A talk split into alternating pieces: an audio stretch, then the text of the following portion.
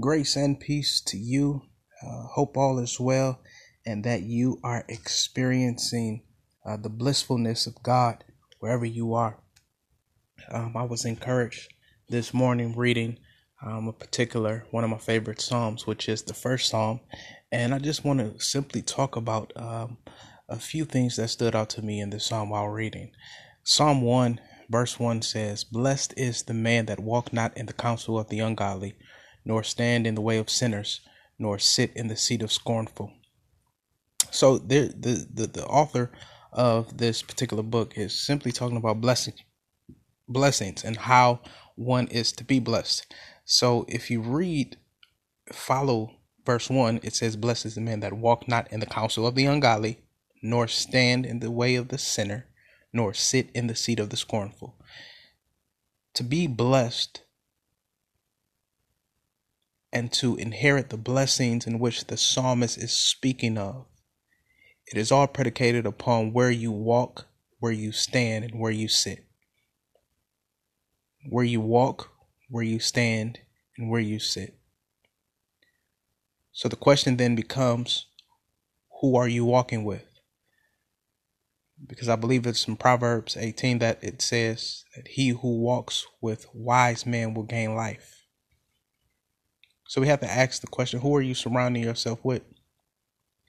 If you are surrounding yourself with people who are productive and ambitious, uh, I'm just believing that those kind of attributes will rub off on you. But if you are around unproductivity, complacency, that will run rub off on you too. So you have to ask yourself, who am I walking with? Who who who do I share with? Who who who who do I take counsel from? Who do I give counsel to? Who who who who who am I really walking with?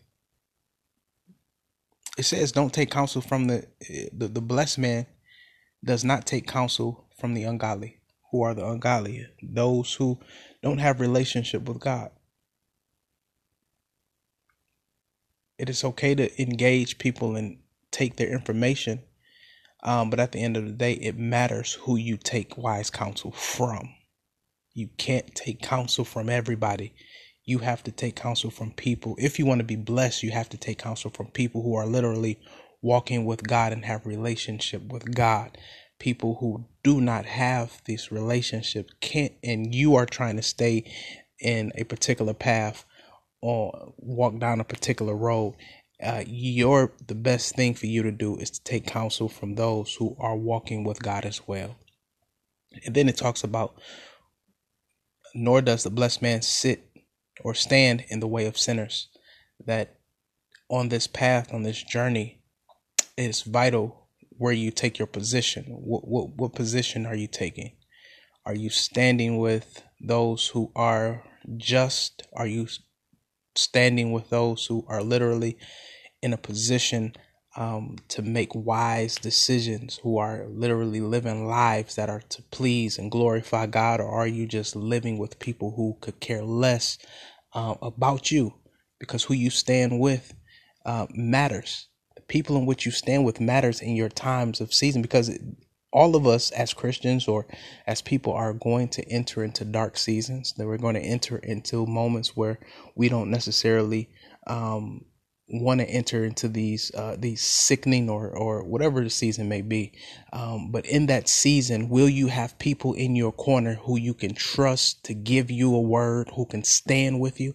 Uh, because you need somebody who can stand with you. Ecclesiastes talk about two is better than one because if the one fall who does he have to pick him up? If that one gets cold who do you have to warm you up? So it's better to not walk around uh, this journey uh, in isolation but yet have somebody who you can trust to stand in your corner. Um, you're going to go through uh, but who's standing with you matters as well. And it says last but not least and then i'm off um, nor does the blessed man sit in the seat of the scornful. What seat are you taking every seat is not a good seat for you to be sitting in.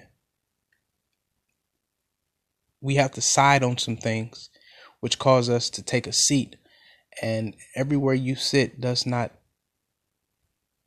benefit you. And sometimes the seat that benefits you is not the seat you should be sitting in.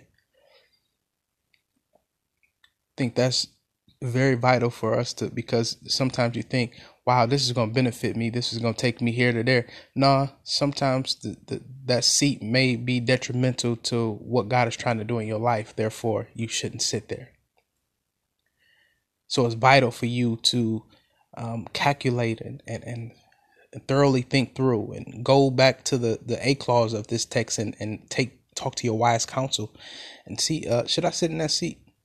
What's the benefits or what, what's the what's the fruitfulness that will come by me uh, uh, sitting in that in that in that position? Because everybody who has a seat at the table does not necessarily mean good. Some people have had to pay for that seat some people have went through uh, to get to that seat. But nevertheless um, this is the morning devotional that i was um, um, wrestling with and wanted to share with you. I pray it blesses you and uh, that you continue to um, log on subscribe listen um, and i will continue to keep you up to date. All right be blessed. Peace